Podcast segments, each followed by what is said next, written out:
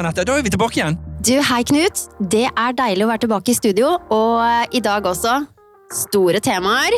Ja, vi snakket litt om det i sted, at uh, begge hadde sovet litt dårlig.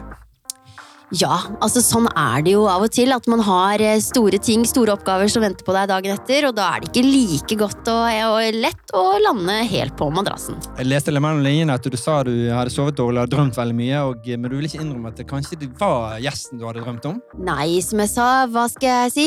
Skal vi si uh, Nå kjente jeg at skal jeg si navnet allerede nå? Ja. men ok, da, la oss begynne å si litt om gjesten, så skal du få lov å si hva gjesten heter. Men han er i hvert fall en professor i Eh, innovasjon ved Norges handelshøyskole.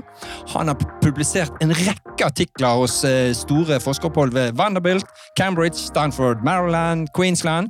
Han er grunnleggeren av Norsk eh, kundebarometer. Han har Norsk innovasjonsindeks på sin CV. Han har ledet to forskningssenter ved NHH, Center for Service Innovation and Digital Innovation of Sustainable Growth, DIG. Og The Hub, kanskje. Hva heter dagens gjest, Anette? Du, vi får besøk av Tor Wallin Andresen, og det kommer til å bli så bra.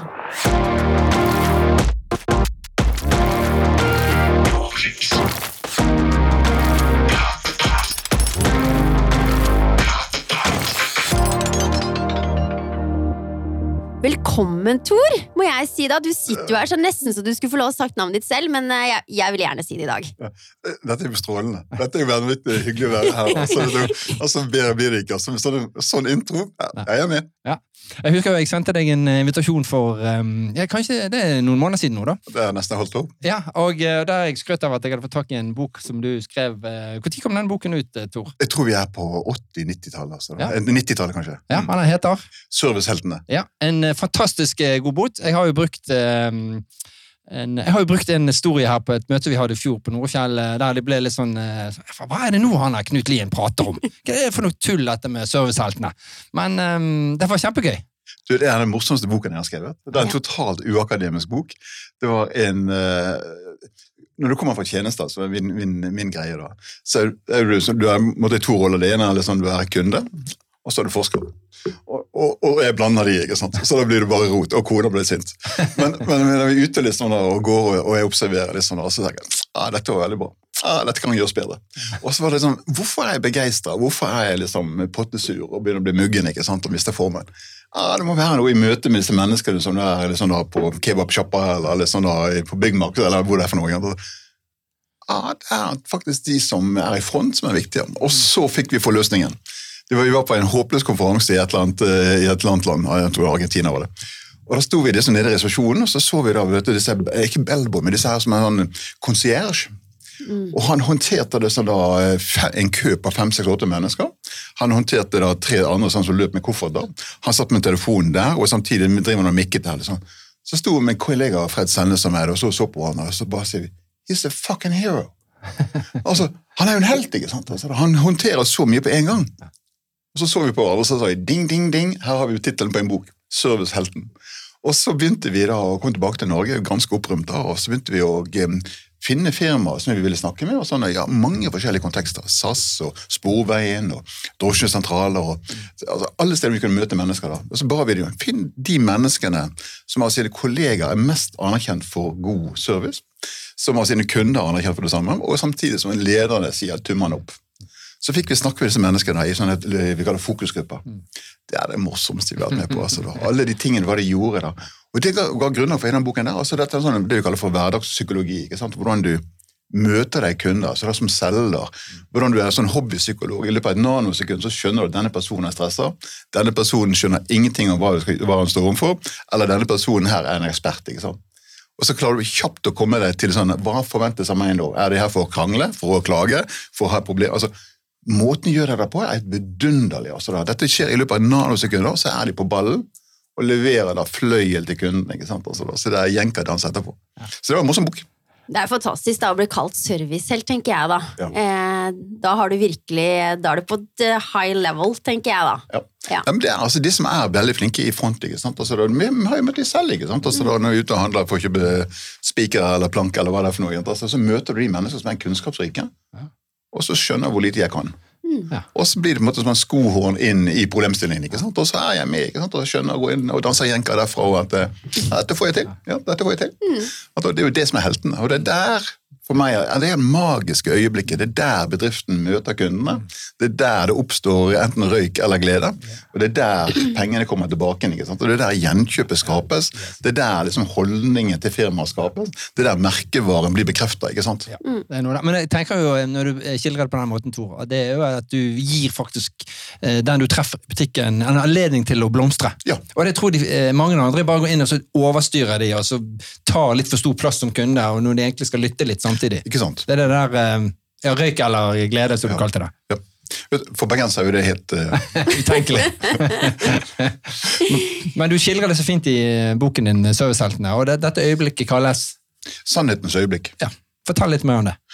Ja, det er noe, det er faktisk en idé som jeg har nå og, skal jobbe opp i en ny bok. Altså, det akkurat dette, dette magiske øyeblikket. da, så Enten du møter en hjemmeside, eller du møter en person på en telefon, eller du møter et menneske fysisk. ikke sant? Altså, da, der oppstår det noe. ikke sant? Altså, det er to mennesker som danser eh, tango sammen, eller takker hverandre på tærne. Ja, ja. det er noe som skjer der, ikke sant? som da er bare dette må vi forvalte på en god måte. Altså, da møter du liksom bedrifter som er proffe. De trener de menneskene til å møte disse kundene på andre siden. på en, så det er på en måte vil jeg nesten si det, altså, med å kunne få dette til å bli en behagelig opplevelse for kunden. For det er jo tross alt kunden som har de pengene som vi gjerne vil ha. Da må vi nesten anstrenge oss. ikke sant? Så, så at, hva, hva påvirker dette øyeblikket her? da? Det kan jo være det er sikkert ting som at er kunden stressa? Har kunden liten tid? Er kunden forbanna?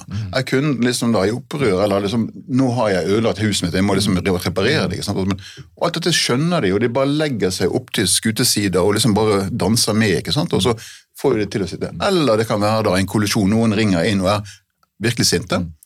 Og klarer liksom da ta kontroll over situasjonen. Og da er det sånne små teknikker som vi så disse her. Ja, Tor Valine Andreassen, nå må du skjerpe deg. Altså, de bare som mora mi. Altså, de tar navnet mitt og mellomnavnet mitt, og så skjønner jeg nå har jeg gjort noe galt. Men det var sånn teknikk. ikke sant? Også da, og De går aldri inn i konflikter. liksom sier at uh, De holder det bare på et profesjonelt nivå. Ja. Så dette har jeg lyst til å studere da, i lys av sånn mer digitale løsninger. For Vi kommer jo fra feltet hvor mennesker møter mennesker i et hotell eller på et fly eller i en bar eller på en restaurant. ikke sant? Også da, nå blir det mer og mer teknologi som kommer inn mellom oss. og hvordan, Hva er da i sannhetens øyeblikk? Så det har jeg lyst til å jobbe litt videre med. Ja, og du kaller jo det så fint high tech og High touch. Ja. Er vi flinke på det i byggebransjen, tenker du? Uh, Har du studert? Nå skal jeg vokte eller, eller For å sitere min sønn, da, som er sivilingeniør i byggebransjen, og han sier at det er rom for eh, innovasjon, eh, spesielt innenfor det teknologiske. Altså, biten. Hans eh, masteroppgave da, det var sånn 3D-modellering, altså da, med sånn tidssimulering av hvordan bygget utvikler seg og arbeidsplassen endrer seg. Og Dette var vel åtte-ti år siden han tok sin master, da, og fremdeles ikke dette implementert. Ja. Så, så jeg tror det ligger masse der for man kan bruke teknologien ikke sant, for da, og, og ha det som støtteverktøy i dialogen med mennesker. eller en arkitekt kan bruke det for i dialog med meg som en ukyndig kunde, som da kan lede til at jeg kommer til deg for å få da gipsplater, eller hva det er for noe. Altså, men hele dette verktøyet som kan hjelpe oss å, få, å visualisere. og Kanskje er det også da ofte å gjøre det usynlige synlig. altså Si at jeg har en drøm. altså Min beste måte å uttrykke meg på det er liksom at jeg har en drøm. Mm. Og så kan jeg sette ord på den drømmen, og så kan du så da, som en kyndig person si at men, jeg tror, jeg tror vi skal gjøre det på denne måten. Mm. Mm. Og Det kan være alt fra en snekker til en malermester til da en arkitekt, eller hva det er for noe. ikke sant? Men, så det beste jeg kan klare, er å bare si at dette har jeg lyst på. Mm. Sånn kan jeg beskrive det. Er det mulig innenfor min lommebok? Yes. Og så er det jo på en måte, som jeg tenker, Når jeg hører og sitter og lytter, jeg kjenner at jeg sitter med store øyer. Eh, og så er jeg jo på en måte i den bransjen jeg er. Eh, vi er i byggebransjen. Eh, og det er jo litt sånn derre Vi har jo på en måte vært litt redde for det digitale, Mm. men man blir presset litt inn i det. Ja. Og vår bransje er jo på en måte kjent for at det der går veldig mye på det menneskelige. Mm. Man så jo det med hjemmekontor på selgerne og sånne ting. At eh, åh, hva skal hvordan skal jeg løse det her? Han, treng, han byggmesteren trenger jo at jeg kommer ut og viser meg, og at vi får bygd den dialogen i dag. Og så blir den digitale biten blir sånn Men det digitale kan jo ikke erstatte den Nei. menneskelige. Så det, det er en sånn der, som jeg blir veldig nysgjerrig på. hvordan skal, For nå har vi jo blitt presset inn i den digitale. Vi, skal, vi, vi må være menneskelige, men samtidig så må vi inn på den digitale plattformen. Og det er å finne tjenester og sånne ting som kan på en måte ikke erstatte den eh, fysiske biten, eh, men eh, på en måte være med på å kanskje gjøre hverdagen vår litt enklere, da. Fordi at man har jo en del mennesker man skal rekke over i løpet av en, eh, en dag. Hva, hva tenker du om det der i forhold til at vi er en bransje som er veldig Altså, vi har fått det litt opp i toppen at Mm. jeg må ut på så og så masse kundebesøk, eller jeg må ut av han, jeg må ut av han, henne. Mm. Eh, hva tenker du i forhold til når vi blir pressa litt inn på en digitale? Hva er det vi kan Tror du liksom at vi Vi, kan ikke erstatte helt den fysiske biten, men eh, tror du vi at vi, vi har noe der inne å gjøre, på en måte? Jeg tror det er, det er sånn pendelutslag. Vi kommer fra da bare til bare. Altså, Ja, ja. Så hva hva kan man finne i mellomløsningen? da? Så det klart at jeg tror at man vil finne frem til de, de møtene som krever fysisk tilstedeværelse. Altså dette er de beste møtene, for at enten har vi en, noe i en kollisjon, eller det er noe sånn i maskineriet. Eller det er sånn innledende idéfase hvor man skal utvikle noe. Så det er sånn typisk fysisk møte, altså, hvor det skjer best med noe øh, sånne tavler på veggen, ikke sant? og litt sånn crazy liksom, tenking og den type ting. Og så har du det med sånne eh, produksjonsmøter. ikke sant? Så det, altså, Istedenfor å reise, Jeg reiste ut til Trondheim for to timers møte, for eksempel. I dag er du helt sånn ding-ding. Yeah. Så- men sånne ting bare tar vi liksom via Teams. ikke sant? Så du har de effektivitetsmøtene. Det, sånn der, det, det kan lett gå digitalt. ikke sant? Også, da. Men så, hvis du kan flippe det rundt på andre på kundesiden altså, jeg tenker at Kanskje vi kan se det på i markedstilbudet vårt. Hvordan kan vi liksom innbake det teknologi der? ikke sant? Og Da har du det proffemarkedet, og så har du amatørmarkedet. og For meg som amatør så er det ofte den søkefasen hvor jeg bare ramler rundt som en full mann på, eller en elefant på Glassmagasinet. Og, og kanskje søker jeg da veldig mye informasjon og går på hjemmesiden, og kan du da bruke visuelle eller videoer eller chat-GTP, ikke sant? Altså da, så du kan bare høyne informasjon som vi kan gi til kunden i søkefasen. Så for da kan vi da liksom få vedkommende inn i butikken eller da inn på møtet, mye mer utdannet, så du har liksom mye mer kvalitet i samtalen, altså det er bare det for å utdanne seg. Og så tenker jeg sånn da på selve gjennomføringsfasen, altså hvor du har da noen som er hjemme og hamrer og spikrer og setter opp gipsplater hjemme hos deg. Jeg er jo alltid sjokket over eh, eller forretningsmodellen til håndverkere. Altså, det er ofte handler om å få masse masse oppdrag, og så levere litt her og der, nå og da, av og på. På en måte, jeg har sånn følelsen av at jeg ble tatt som gissel i et prosjekt hvor de bare kom en gang, og så står stuen halvmalt. Ja. Og så er det som å klippe halvparten av hodet. Ja, altså, og så venter vi å komme tilbake igjen. Så det er liksom, nå er jeg her, liksom. Det som, hvordan kan vi planlegge liksom, hvordan kan altså, håndverkere, da mener jeg virkelig altså, profesjonelt og uprofesjonelt, planlegge sin tid, så jeg ikke kun blir tatt som gissel. Altså. Der ligger den største stenen i skoene innenfor denne bransjen. her. Altså, da, på amatørmarkedet. På profesjonelle markedet så har jo du prosjekter og, som driver i tid, og han heter og mye med kontrakter. Ikke sant? Men på konsumentmarkedet så er det veldig mye irritasjon på denne bransjen. Altså. Ja. Mm, Jo, vi kjenner oss igjen i den beskrivelsen der. absolutt. Det gjør vi. Absolutt, det gjør vi. Men, eh, men hva Du snakker jo mye om det her innovasjon og den biten der, og vi, vi Mm. må jo si sjøl, da, Knut, vi, vi driver jo på med litt innovasjon både her og der. Både i produksjon og i forhold til eh, gipsplaten. Vi pleier jo å si at gips er ikke bare gips lenger. Eh, vi har jo en gipsplate som faktisk er skrufast, som heter Ja. Ultraboard. Ja.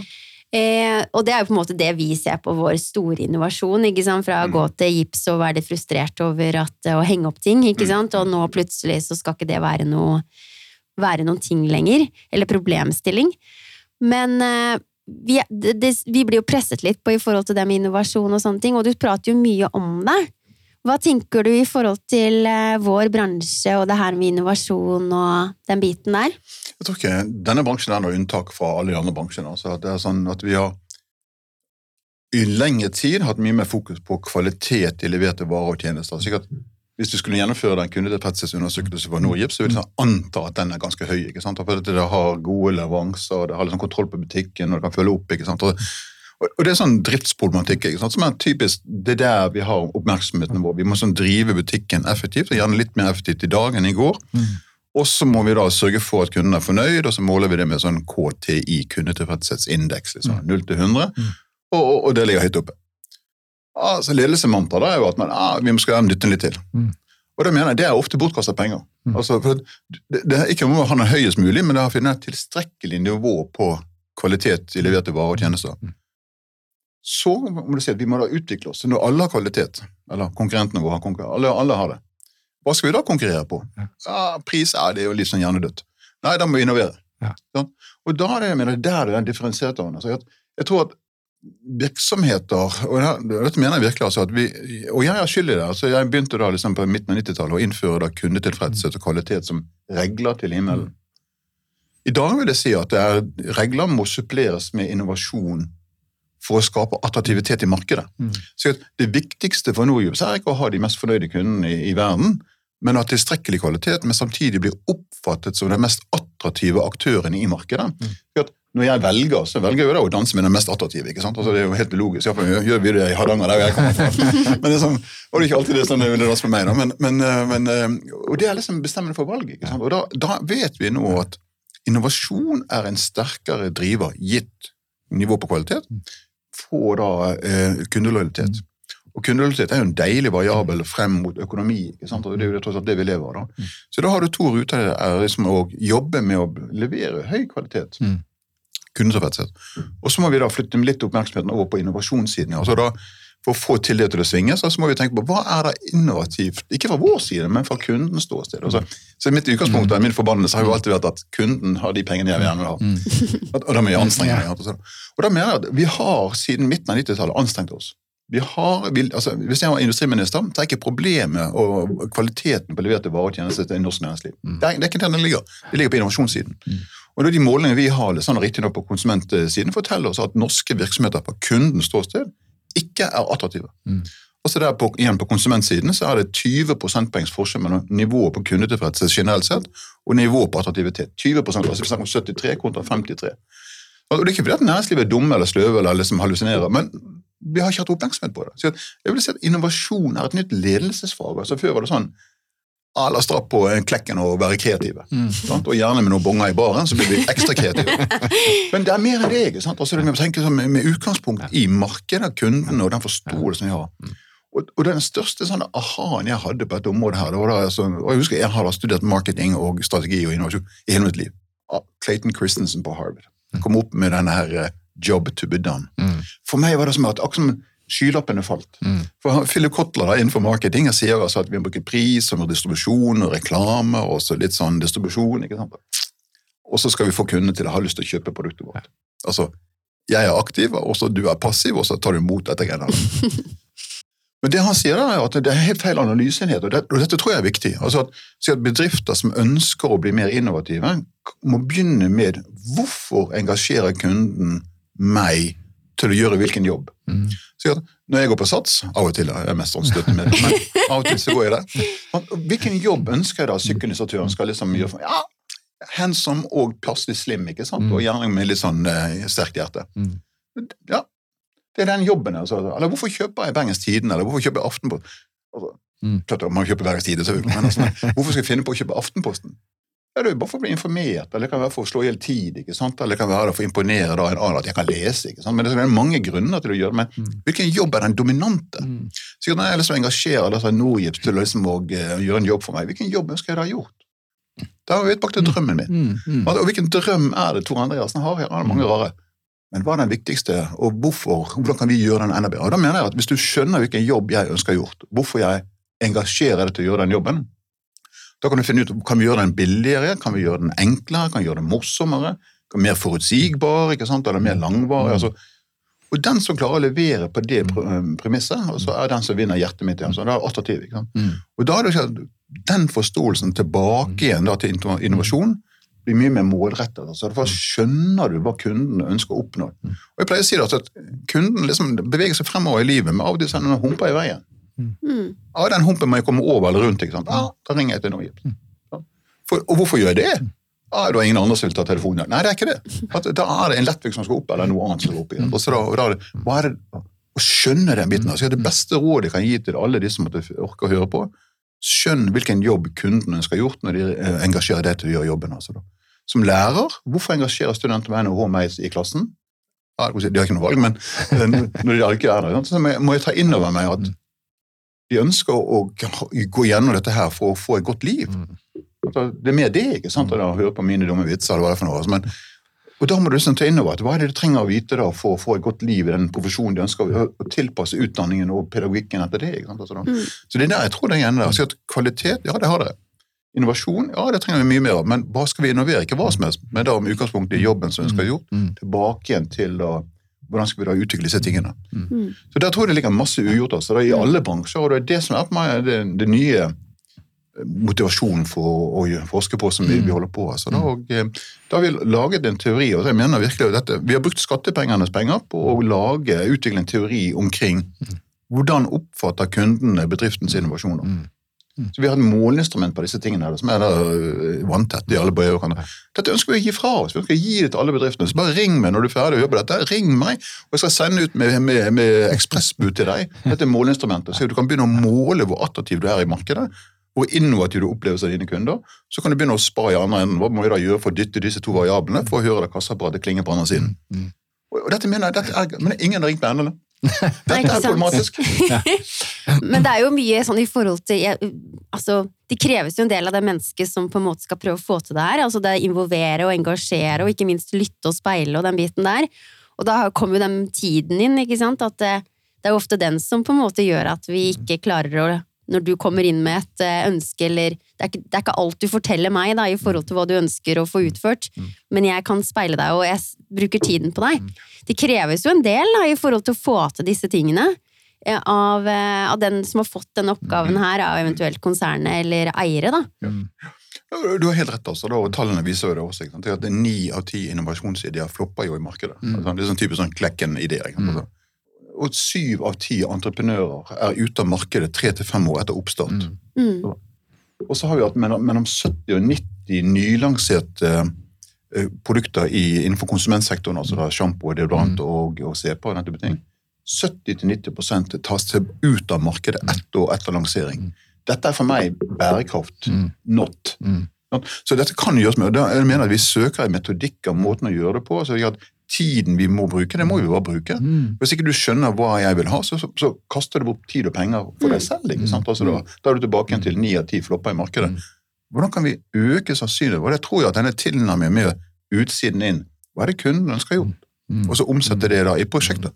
Og det, det underlige er jo, Dette er jo sånne greier. altså at man, Alle tror at innovasjoner da må jo, uh, må jo brenne cash. altså da, Truckloads av penger. liksom. Nei, du trenger ikke det.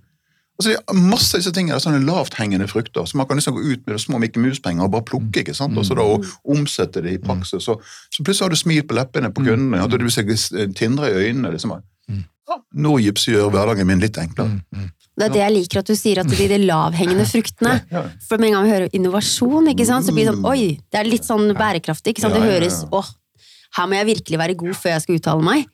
Men det er de lavhengende. ikke sant? Innovasjon kan være så mye. Det kan være endringer i forhold til tilnærming til eh, produktene sine og ut til markedet, til eh, de distributørene man har. ikke sant? Det kan være så mye. Men man tenker jo ofte at eh, åh, i neste år så skal vi ha en nyhet, og det skal være en stor innovasjon. Og da bruker man mye, mye planlegging og mye tenkning, og så er det egentlig Kanskje det ligger liksom foran nesetippen, og det er ofte de tingene som er litt vanskelig å se, da. Så gir det et godt eksempel. altså da Alle har så hun har hørt om Harley Davidson. Ja. Motorsykkelen, brum, brum. Og, og de har noe som heter Harley Davidson Owner Group, HOG, som de kaller seg. Og da har de, for å komme tett på kunden i brukssituasjonen, så har de det de kaller for sånne her eh, posse rides. Og, og det er sånn Harvard Business School-case da, som forteller om eh, fra Padre Island nede i, i Mexico, opp til den kanadiske grensen. altså da. Hvor de da liksom i løpet av 14 dager bare sitter og brummer og brummer oppover. altså da. Da er mekanikerne i Harley Davidson med på denne turen. Og de faktisk tar ut sin egen fritid for å være med på denne turen. Da. Og da sitter de sånn da og eh, det motorsykler krasjer, eller de blir ødelagt, eller hva for noe. Reparerer de. Og. Men hver kveld sitter de liksom da med en liten eh, Budwiser i fanget, og så Hva skjedde i dag, da? Og så plukker de opp. Hva er det de snakker om? Hva er det som, hvorfor funker det ikke? Hva er det som er sann i maskineriene her? Og så når denne posse-riden er over, så er det full samling i Milwaukee, hvor de er. Sånn? Da sitter de, Hva er det vi hørte på denne posse-riden? Hvor knirker det i maskineriet? Hvor er det vi svikter? i? Enten i servicen vår, distribusjonen vår, i produktene våre, innovasjonene våre. Ah, Hva er viktig her? Og så gjør de da det. De implementerer det. Så på neste posse ride så får de høre det liksom ah, They're responding! They're market-oriented! Customer-oriented! Alle disse deilige ordene. Man skal, nettopp fordi du responderer som en tangodanser til kundene dine. Ja. Men da må du lytte. Da må du lytte. Og det tror jeg at mange ledere har glemmer at det er en grunn til at Gud ga oss én munn og to ører. Det er ofte for å lytte. Men da er vi um, uh, um, Ja, Da er vi faktisk over i bok nummer to, da, Tor. egentlig. Ikke det? Eller Vi er snart ferdig med ti kapitler av eh, boken din som heter 'Moderne verdiskapning. eh, Kunder og innovasjoner'. Nå har du snakket mye om det, da. Men jeg må jo si at eh, nå bare hopper jeg til eh, ti lærepunkter på slutten. her, Men noe som åpnet mitt hode, eller vårt hode, Anette, det var jo Jeg har sendt bilde av den boken til deg, det vet jeg at du har fått lest. Jeg vil jo ikke dele alt av Tor. Jeg vil jo ha litt for meg sjøl. Men det står jo dette her, eh, som det står i boken, en jobb er et grunnleggende problem som en kunde må finne en løsning på en gitt situasjon. I dette perspektivet ansatte kunden en tjeneste eller et produkt, altså en, eh, og da tenker jeg både på, både på Norgips og produktene våre. Da. Mm. Og det var der jeg, det åpnet øynene mine virkelig. altså. Eh, som du, s- job to be done. Mm. Hvordan forstå kunden. Og jeg tror mye av våre kunder, altså byggmestere, entreprenører, de tenker bare at de skal bare få bygget et hus. Mm. Og så glemmer man hvorfor man bygger hus, og hvorfor skape de gode rommene. Altså Vi sier ulike rom, ulike funksjoner. Ja. At man bygger det ut ifra det. Og vi hadde i forrige episode med Little Fjord House hvorfor de valgte ultrabad. Jo, det var fordi at eh, de ønsket mer lydtette vegger mellom soverom og stue. Mm. Og der går mange i fellen og aldri spør kunden om hva de egentlig skal bruke rommene til. Eh, Hvorfor gjør man disse her grunnleggende feilene, Tor? Jeg tror det er, det er mange grunner, men det som slår meg umiddelbart, er at man er for mye opptatt av produksjon. Altså En snekker, en elektriker, en rørlegger, en Mm. byggmester må liksom, for De har så mye å gjøre, de må liksom bare dønne, gønne på å bli ferdig og få året til neste. Og liksom i lunsjpausen må jeg ta to-tre telefoner. Altså, så det er den produksjonspresset som ikke gir ditt anledning til å være disse drømmene. Mm. Altså, de aller fleste som da, altså ikke de, i, det, i det amatørmarkedet, Mm. De bare drømmer Mm. innenfor de budsjettene vi har. Ja. Og her mener jeg det ligger masse lavthengende frukter Mm. og dingler rett foran nesen på det. Altså vi bare går inn i et rom og så bare begynner å tenke smarthus. Mm. Vi begynne Hva tenker du om smarthus? Nei, det har jeg ikke klart å uttale ennå, men la oss smatte på det, da. Hva er det for noe? Mm. Ah, men Da kan vi begynne med elektrikerfunksjon, elektronikk, eller da kan jeg kanskje ha andre gardiner eller andre sånne blendinger, jeg kan ha andre vegger. altså andre, altså, Hvis du bare tenker og ser, og Den krever at du har tid til å snakke med oppdragsgiver og kunden din, Mm. og lytte ikke sant, og omsette det. Og Jeg har møtt en del sånne her eh, elektrikere som da eh, hadde disse tingene. De var så pressa på tid. ikke sant, på de har, Enten var de tatt for mye på seg, Mm. eller de hadde KPI-er sitt på effektivitet. ikke sant, At de måtte bare løpe videre. Der ligger det masse ting som blir liggende igjen. altså, da, altså hvor du kan gjøre det. Hvordan kan du komme tilbake til meg når du har gjort det? Jeg har bodd i huset mitt en liten periode nå, og se hvordan det funker funker ikke. ikke sant, altså da kan vi, altså Bare den etterkontakten. ikke sant, altså Det er også bare sånn lavthengende frukter i det. Mm. I tillegg til da, liksom, altså, innovasjon ligger jo, eller da, driften eller innovasjon ligger jo at du forstår kundens reise. altså Alt fra jeg ringer til deg for å bestille da et billass med gipsplater, Mm. til ha slottet mitt stå oppe. ikke sant? Altså da, Hele den reisen der. Altså, og der, Hvis du begynner å se det fra kundenes ståsted altså Ikea er jo de flinkeste på dette. Mm. Altså Før du liksom tenker på skal vi gå på Ikea, ja, hva skjer da, har de tenkt. Mm. Ja, Vi må få aktivere gubben, ikke sant? for at en kone som vil på Ikea, og han ellers ha det som en straff. Ja, hvordan kan vi gjøre det greit for det? Altså, så Du tenker hele veien til du er hjemme igjen.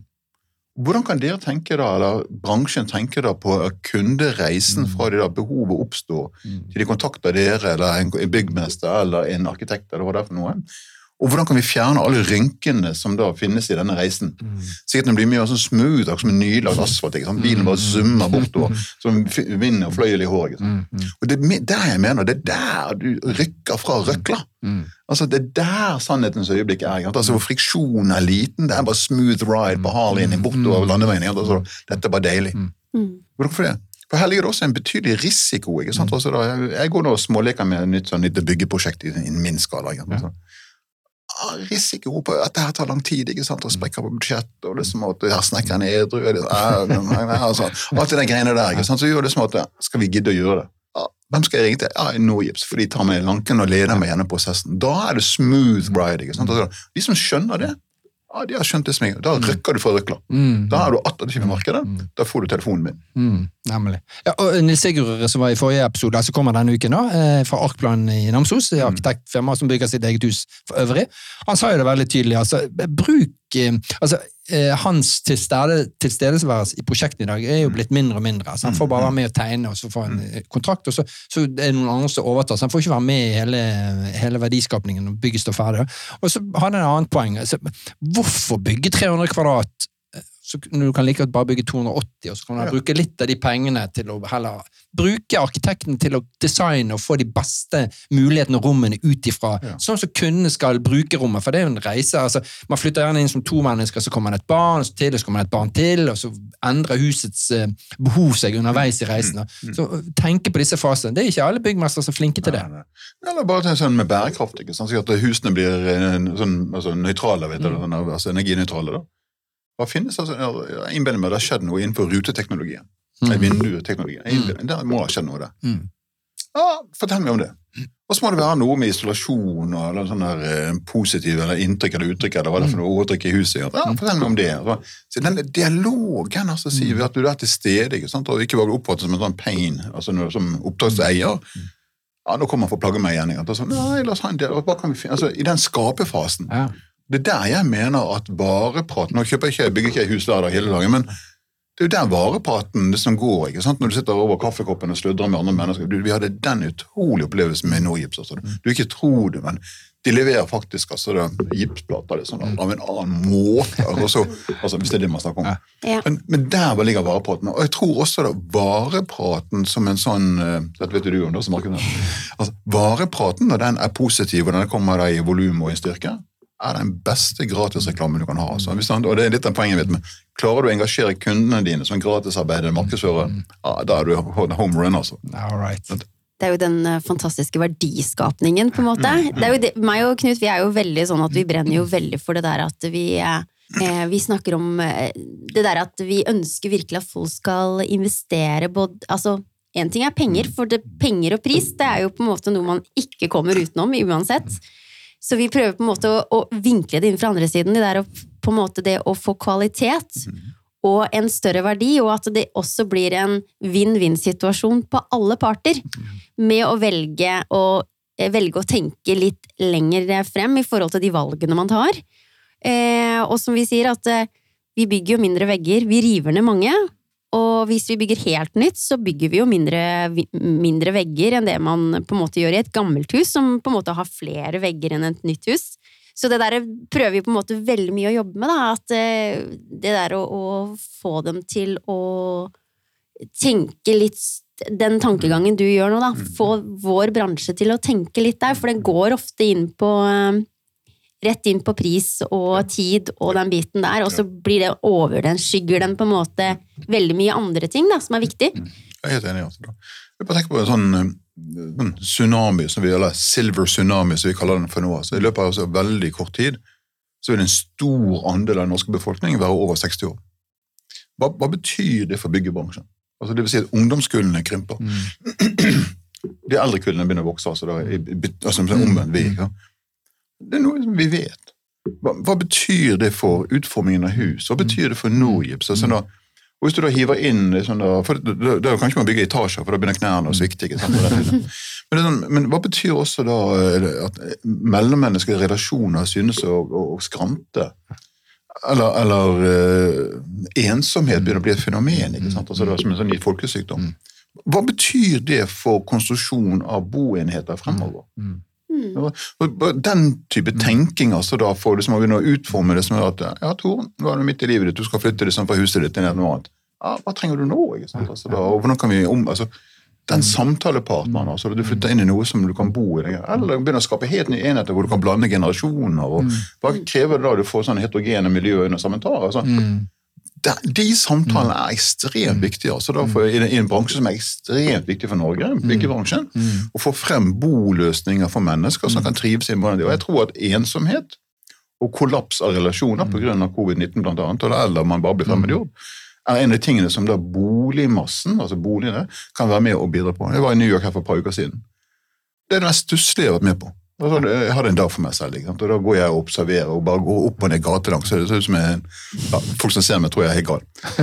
Men da går jeg og ser og observerer og tenker liksom at uh, hvorfor er alle liksom i sin egen boble? Liksom, og Hvorfor har alle noe på øret og liksom, og opptatt med noe annet? og Hvorfor er det ingen som har menn øyekontakt? og Hvorfor er det slik at jeg føler at alle ser på meg som en trussel for de? Liksom, og alle skal pushe, pushe, pushe på frem. Og, altså, hva er det som skjer? liksom? Og er dette den, det vi skal på vei til Norge? Hvordan kan vi motvirke dette? greiene? Og Jeg tror veldig mye ligger i hvordan vi velger å konstruere hus, bolig, leiligheter og fremover, som stimulerer da, til dialog mellom mennesker, på å styrke relasjoner. Også, da.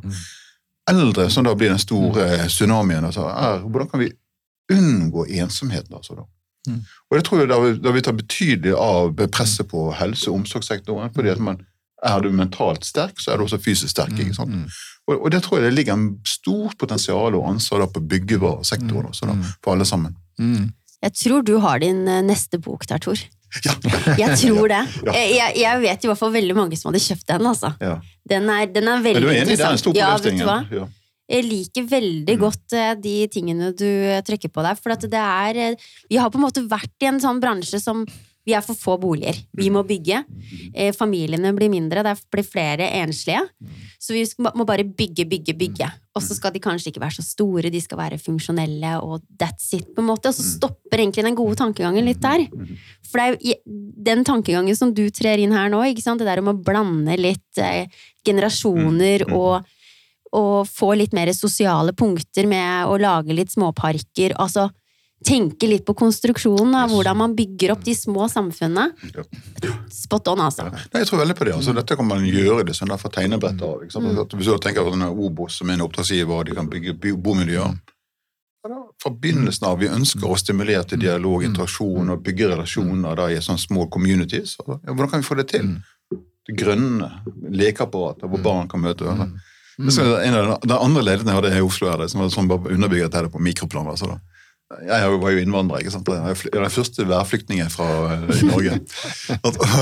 Og, og, og, vi bodde det sånn da ute i, ute i, Bærum, og så hadde vi en liten leilighet der. og sammen med noen andre. På hver side så bodde det noen vakre eldre damer som ikke hadde noen dialog, for et eller annet hadde gått galt for 30 år siden. Og da kan man ikke begynne å ha dialog. Så kom vi midt imellom da, med lille Thomas, ikke sant? som da kunne vaske opp i en liten balje. Da satt vi ute på trappen der, og bare, ah, da kom de ut. vet du. Og så begynte de plutselig å snakke til hverandre gjennom oss. Og så plutselig begynte de å var 30 års konflikt var plutselig skrinlagt fordi vi kunne få dialog, vi kunne ha sånn interaksjon gjennom da. Noe så, enkelt. noe så enkelt, ikke sant? Forteller meg at dette er mulig å gjøre, og dette kan vi engineere inn. ikke sant? Altså, da, job to be done. Skape relasjoner, skape interaksjon, unngå ensomhet. altså. Mm. Jeg liker det begrepet 'job to be done'. Jeg. Ja. Det er veldig kult. Ja, det er kjempekult. Altså, Jeg, jeg, jeg har jo allerede planlagt min nye foredrag. Jeg er basert på boken din, hvordan man skal aktivisere byggmesterne og byggevareforhandlerne til å tenke alternativt. Og Vi, har jo, vi, vi går jo med, med svanger, eh, ikke fysisk, eh, men, men at vi skal prøve oss å være sånn mystery shoppere. Da, bare for å prøve å gå inn i en eh, tilfeldig byggevarebutikk et eller annet sted i Norge og, og prøve å få designet den perfekte veggen ut ifra sånn som vi tenker. da. Ja.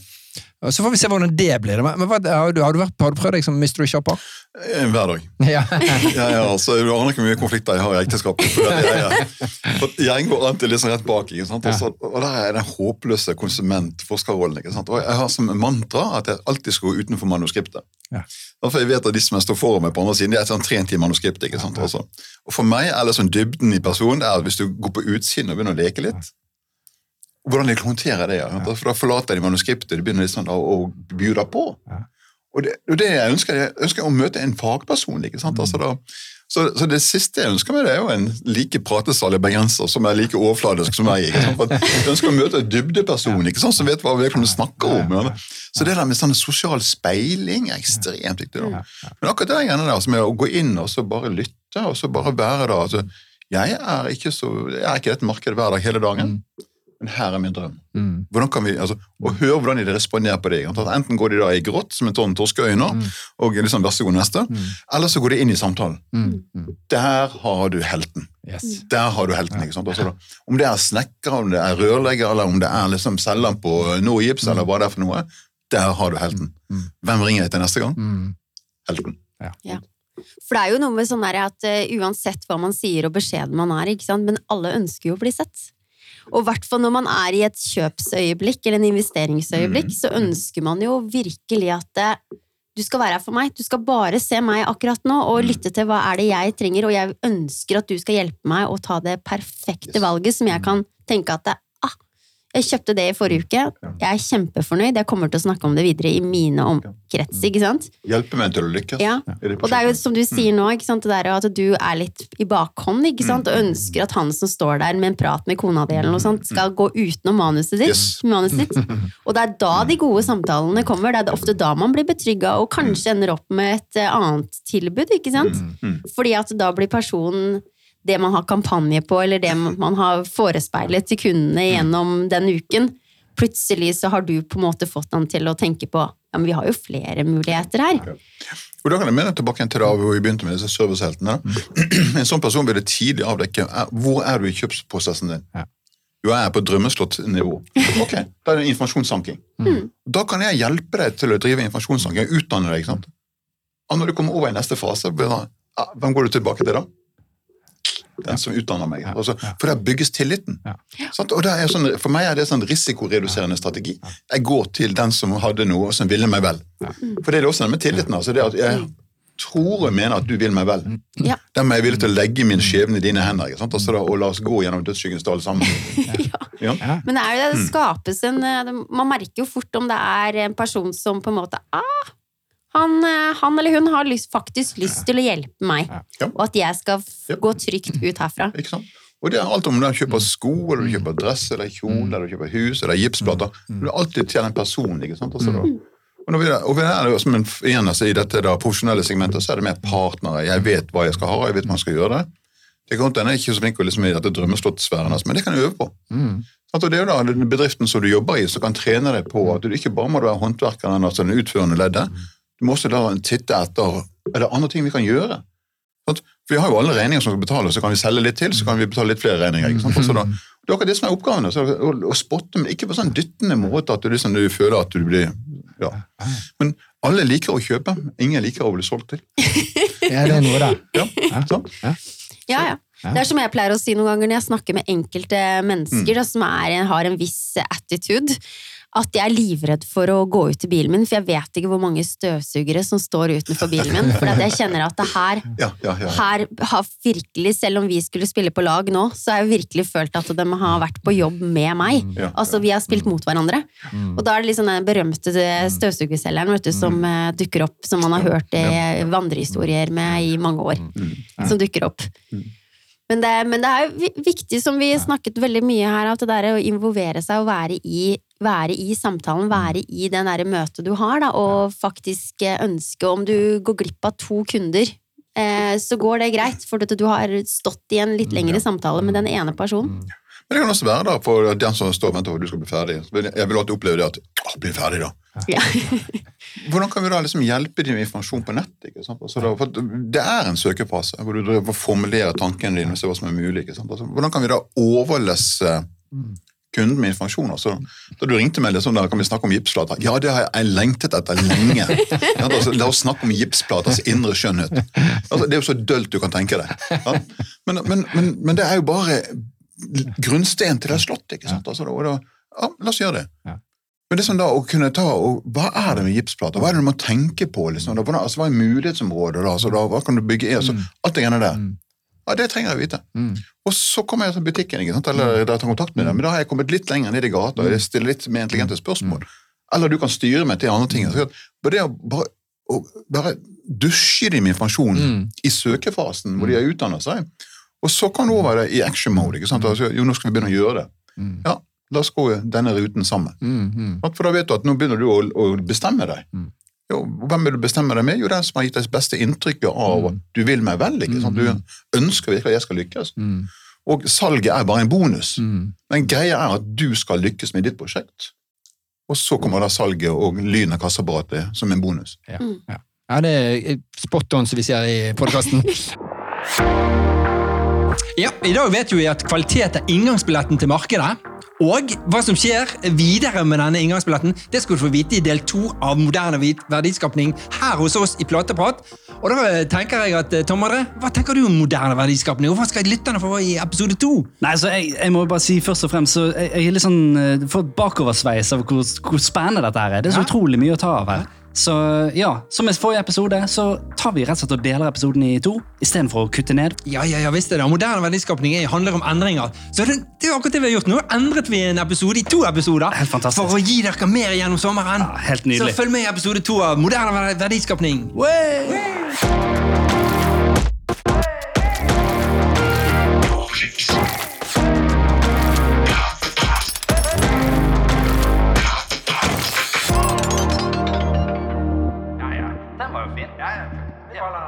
Den var